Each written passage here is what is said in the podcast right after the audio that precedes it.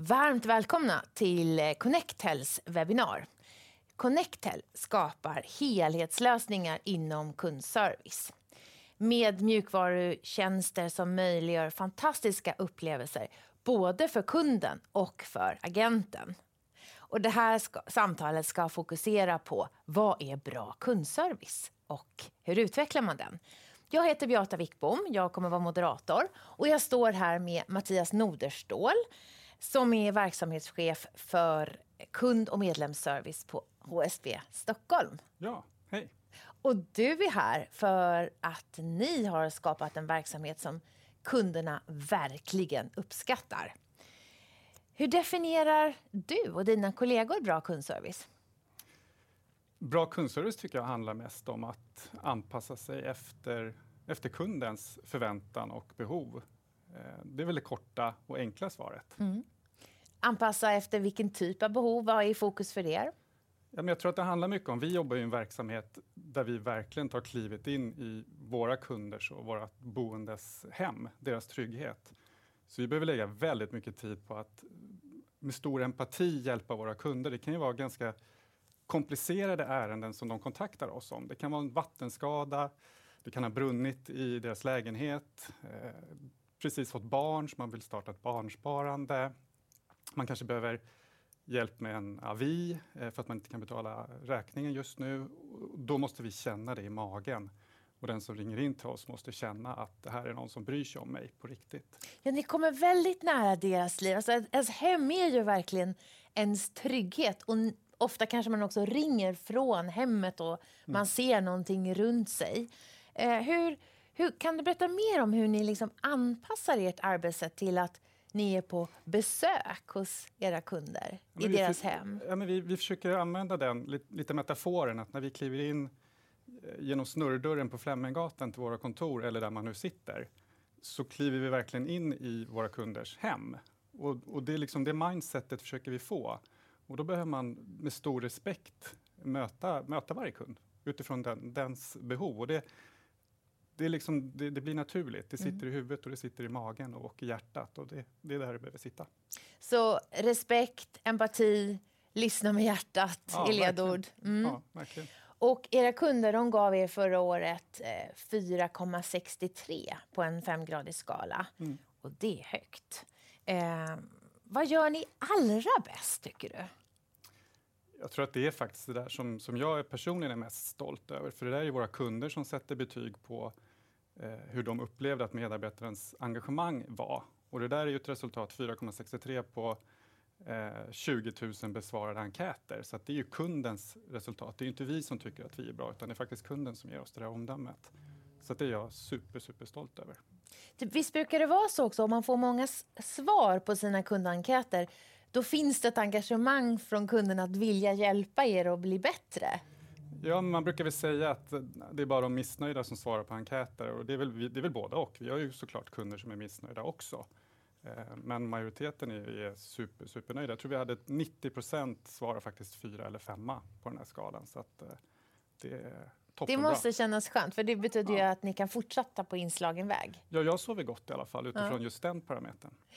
Du är ju så nyfiken vet jag och tittar mycket på hur andra gör.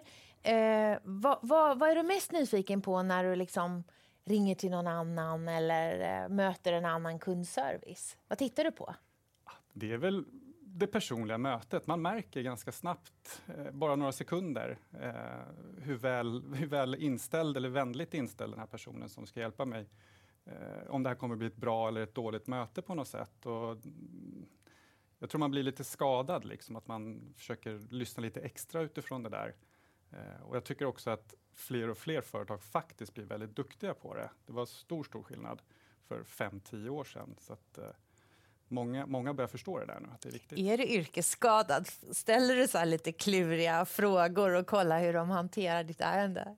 Men både ja och nej. Jag försöker väl inte vara liksom taskig sådär, men eh, ibland så är det väl kul att mm. testa lite. Speciellt så om man får en bra kontakt. Om det är en, en duktig person, då kan det vara lite kul tycker jag. Men jag försöker inte vara dum och, och gnälla över långa kötider och sånt där, utan jag vet hur det kan vara. Vad, vad kollar du inte på? Vad tycker du liksom är helt ointressant? I min roll som... eh, som När du lyssnar till, när du ringer till någon annan och, och så här, vad har du? Nej, men allt blir väl intressant. Det beror lite på vad det gäller för någonting också. Eh, så att, eh, det är nog svårt att säga att ingenting är intressant. Men, men jag tycker liksom, har jag ett problem och ringer in, då, då vill man ju bli hjälpt vid första kontakten såklart och inte bli runtkopplad eller eh, få sitta och vänta på att de ska kolla någonting och sånt där. Utan man vill gärna att det ska gå snabbt och smidigt och enkelt. Berätta mer. ehm, om du ska förklara för någon annan hur ni jobbar, vad, vad lyfter du mer fram då i ert arbetssätt? Jag tror att det viktigaste är våra medarbetare. Vi lägger jättemycket tid på att hitta rätt personer som vill jobba hos oss och som verkligen vill jobba hos oss. Det finns ganska mycket kundservicejobb så att man, man får ganska lätt ett jobb. Eh, men vi vill ha de som vill göra det här lilla extra och vi ger dem också ansvar, befogenheter och mandat att göra det. Och då, det, det krävs en, liten, en, en viss typ av människa för att klara det, för det, det är ett komplicerat jobb. Det är tufft, informationsflödet är enormt, ganska komplicerade produkter, många svåra frågor och då samtidigt ha den här förmågan att slappna av och kunna hjälpa en kund i, i, varje, i, i varje samtal. Den, den är, det är svårt att hitta de medarbetarna, så där lägger vi jättemycket tid på att hitta dem. Har du några tips på så här, vad ni frågar efter i anställningsintervjun för att liksom hitta rätt förmågor och attityd och kolla om engagemanget finns? Nu har jag områdeschefer som rekryterar som, som tur är, för jag går kanske lite för mycket på magkänslan sådär. Men jag tror att man ska försöka hitta en kombination. Personligen så är jag inte så intresserad av vad man har gjort innan. Eh, det finns jättemycket bra exempel på eh, personer vi har rekryterat som har gjort någonting helt annat än, än vad som kanske skulle vara en, en bra bakgrund sådär. Men personligheten är ju att genuint vilja tycka om och hjälpa andra. Det, det är det mest viktiga, tycker jag. Det finns ju liksom olika mätetal och KPI för hur man mäter en framgångsrik kundtjänst. Vad använder ni inte där? Vad tycker du inte är så viktigt? personalomsättning till exempel, den, den tycker jag är, är ganska tråkig att titta på. Eh, den är viktig, men jag tycker det är viktigare att titta på de som slutar hos oss, vart de tar vägen. Eh, och vi är uppe i 60-70 procent av de som slutar, de går vidare till en ny tjänst internt på HSB. Eh, och De vill fortsätta med att Ja. träffa den här typen av kunder. Ja, men precis. Mm. Och då blir det ju win-win. Det finns ju mycket ekonomi i det där. Personer som blir internt rekryterade kan våra produkter, våra tjänster. De har liksom kontakten internt. Eh, så att det, det har blivit väldigt bra av, Mm. av eh, att se liksom vår kundservice som en intern rekryteringsplattform. Det är väldigt roligt Mm. för dig att vara en talangpool. Ja, men sen är det såklart jobbigt för det ger ju en personalomsättning. Så att det är ju hela tiden eh, att vara i rekryteringsprocesser som vi är, eh, är ju också påfrestande. Men det är också det tror jag som gör att energin hela tiden kan hållas uppe. Eh, det kommer in nya glada människor som är supertaggade att köra. Så att, och de här gamla rävarna då, som har suttit där en stund, de får lite nystarter varje gång. Så att det blir positivt för, för alla. Och sen nyckeltal som samtalstid och eh, liksom mäta på kors, kors och tvärs eh, hur, hur många samtal man tar per timme och så. Håller ni på med det? Vi mäter det och kan titta på det, men det är väl inte någonting av det som vi primärt tittar på, eh, utan det blir mer kanske en, en man kanske kan kolla lite på bemanningen. Har vi för, för många tappade samtal, men då kanske bemanningen är, är knasig. Eh, så jag tycker säga att det är mer en chefsfråga att titta på det individuellt på, på individu- individuellt på medarbetare. Om det är någon som kanske ligger för lågt i effektivitet eller för högt. Och så kan man koppla ihop det med, med kundnöjdheten också och se om det finns någon, något gap emellan där. Jag trodde det där var jätteviktigt, att det var nästan som liksom ackord att jobba i en kundservice. Jo men, jo, men det är viktigt. Det är viktiga nyckeltal, men jag tycker inte att det är det man ska prata mest om. Utan eh, kundens upplevelse är det som vi fokuserar på att prata om. Om, om, om vi, vi pratar om engagemang och engagerade medarbetare, säger du. Hur känns ett högt engagemang i kundservicen? Alltså du, du känner energin om du går in i en bra kundservice. Eh, det vibrerar nästan. Du kan ta på, på stämningen och det är eh, fantastiskt. Jag tror att det är därför jag älskar det så mycket. Att man får nästan lite abstinens på sommarsemestrarna när man inte får känna den där pulsen. Men den, den känns. Jag, det, jag kan inte förklara på något annat sätt, men den är liksom påtaglig. Är det surr och skratt? Ja, men surr och skratt och det vibrerar. Eh, folk jobbar hårt. Eh, ja, men det, det är en speciell känsla Mm. faktiskt. Det är ju ett speciellt ljud när man går in så där Ja. och människor jobbar tillsammans Verkligen, också som är väldigt verkligen. härligt. Nu när vi är i coronatider saknar jag det mer än någonsin. Ja, jag med. Vad skulle du säga påverkar medarbetarengagemanget allra mest?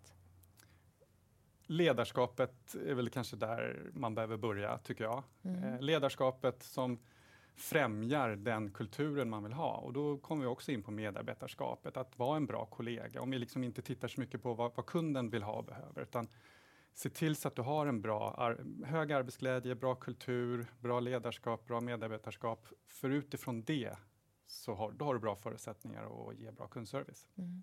Vad är det enskilt viktigaste du som ledare kan göra, tycker du, för att påverka engagemanget i din grupp? Oh, det var en bra fråga, Beata. Eh, Om man nu tycker engagemang är viktigt, vill man kanske ha liksom något volymreglage där? Ja, nej men jag tror alltså självklart att vara ett föredöme. Eh, som ledare så jag vill inte ha någon ledare och, som sitter bakom en skärm någonstans och sitter och kontrollerar utan vara ute och visa dig och jag kan gå och hämta kaffe åt en medarbetare när det är hårt tryck ibland såklart. Eh, försöker vara den som eh, pratar mycket med alla och försöker, jag hoppas att ingen ser mig som som liksom storchefen på avdelningen utan att jag är en, en i gänget som alla andra. Så jag tror- Sitter du med kundservice? Ja, absolut. Mm. absolut. Men jag tror att det handlar mycket om att, att vara sig själv liksom, och se till så att alla mår bra. Det är väl eh, svår fråga, men, men eh, jag tror att det är så, Mm. så som jag svarar. Jag ställer den för du säger att engagemang är så viktigt, Ja, så då vill jag ju veta hur styr ni på det? Och... Ja, men jag tror inte man kan styra på det, utan du kan liksom skapa förutsättningar. Sen är det ju upp till varje medarbetare och varje chef eh, att vara engagerad på, på sitt arbete. Sen så ska vi göra vad vi kan för att det ska vara en, en engagerande och inspirerande miljö. Mm. Och det kan man göra på massa olika sätt. Men att eh, ja, men bidra till hög arbetsglädje och vara en, en bra kollega, oavsett om du är chef eller medarbetare, det, det tror jag är viktigt. Och hur ser de där både organisatoriska förutsättningarna och också liksom förutsättningarna vad man har för arbetsverktyg ut? Hur, hur, vad, hur behöver de se ut för att liksom påverka engagemanget positivt? Ja, men det är klart att man behöver ha system och verktyg som funkar. Eh, jag tror att alla som jobbar i en kundservice vet vad det innebär när det blir en driftstörning. Det, det, det är påfrestande och ganska jobbigt.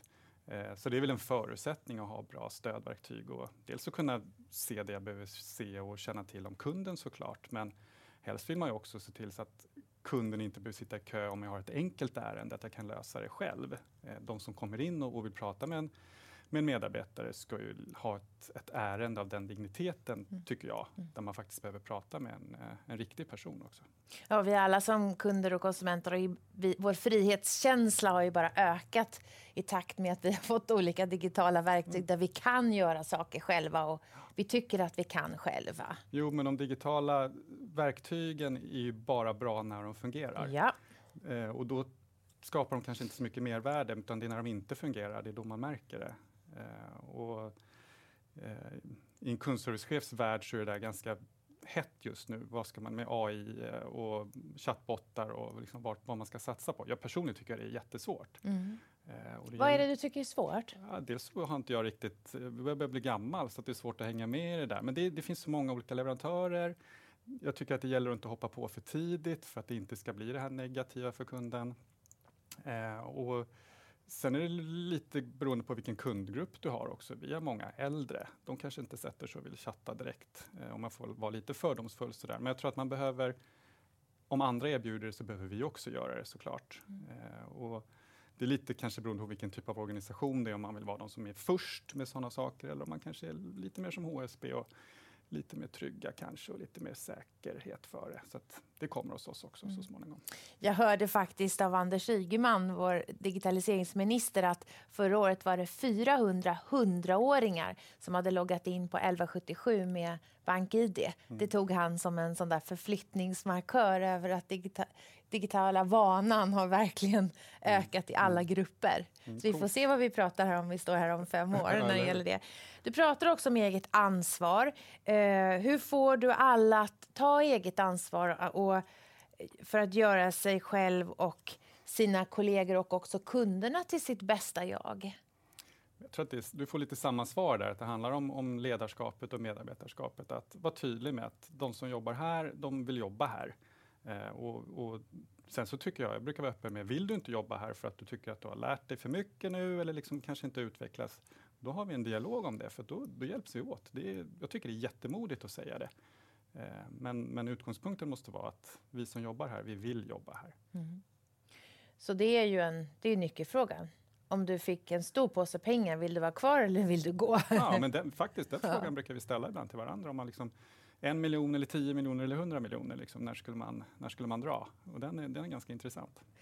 Eh, det verkar som att er ledning prioriterar kundservice. Hur, mm. Vad ger du för tips till andra som kanske känner så här, jag sitter ensam och, och, och försöker slå vakt om den här otroligt viktiga delen av verksamheten? Hur har ni fått er, kund, er ledning engagerad? Ja, det är väl kanske en av en kundservicechefs viktigaste jobb att se till så ledningen är med i matchen och för det första liksom säkerställa att ledningen tycker att det här med kundservice är viktigt. Tycker de inte det, då får man det jätte, jättesvårt. Eh, men dela med av, av, storytelling, bra stories, men även med saker som inte funkar. Jag tror man måste vara lite tuff, men också bjuda in eh, både ledningsgruppen och andra avdelningar att eh, vår gemensamma service blir bättre om vi samarbetar. Eh, och jag tror alla, alla liksom mår bra av att man har ett sådant klimat, att man försöker göra saker tillsammans för kunden istället för att köra liksom de här stuprören eller hängrännor eller vad det nu kallas för någonting, att alla kör sitt race, utan gör det tillsammans. Det brukar bli bättre resultat. Jobbar du någonting med att liksom föra i bevis eh, med siffror eller hur ni påverkar resultatet eller den typen av liksom Ja, men lobbying. Lite, ja, men, ja, absolut. Det beror lite på det här med 4,63 som våra kunder tycker. Det är klart att vår ledningsgrupp var de första som fick höra det nästan. För jag tycker det är viktigt liksom att jobba med den interna marknadsföringen. Eh, sen när det gäller liksom siffror beror lite på vad man vill bevisa för någonting och, och, vem som sitter i ledningsgruppen. Anders och Sofie som är mina chefer, de, de går igång ganska mycket på mjuka parametrar, på så mjuka kundupplevelser. Eh, men är det siffror som behövs så får man leverera det också. Det är ju lite beroende på vad man vill eh, få fram för någonting. Mm. Man får vara lite listig där tror jag. Kundernas ord är väl det bästa beviset. Att, ja. Eh, det är ju samma kunder i hela verksamheten. Ja, ibland glömmer man det. Det är som är en annan grupp som kommer till kundservice. Ja, ibland undrar man faktiskt. Om du, om du skulle få ett uppdrag att utveckla kundservice på ett, någon annan, i någon annan verksamhet, vad är det du skulle börja med att titta på då för att göra någon skillnad?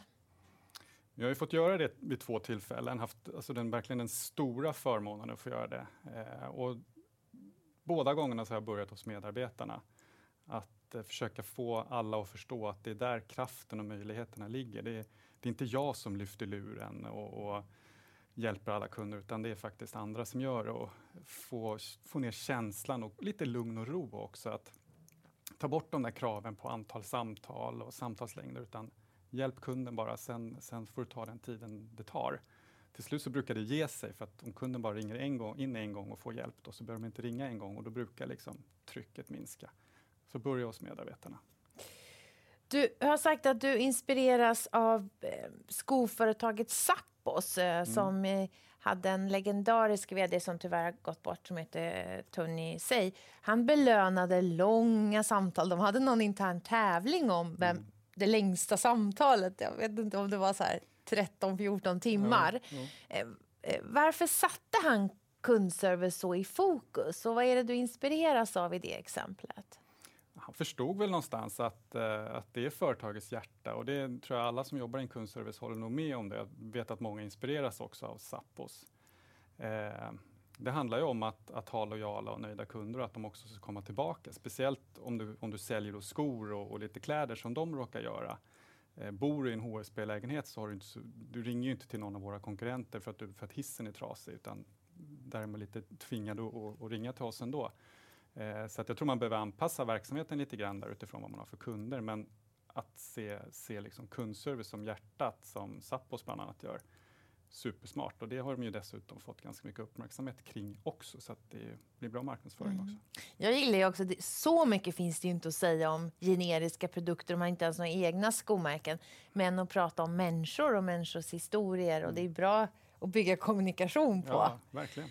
Vad skulle du göra om du hade ett trollspö och kunde lösa upp liksom, knutar och eventuella flaskhalsar? Vad, vad tittar du då? Vad gör du då? Ja, eh, det är väl kanske att få upp förståelsen för, för kundens behov. Det här med inifrån och uttänket är fortfarande lite för vanligt på, på många håll tror jag. Att försöka hitta, eh, inte kundperspektivet utan kundens perspektiv. Det är lite skillnad på de två orden där.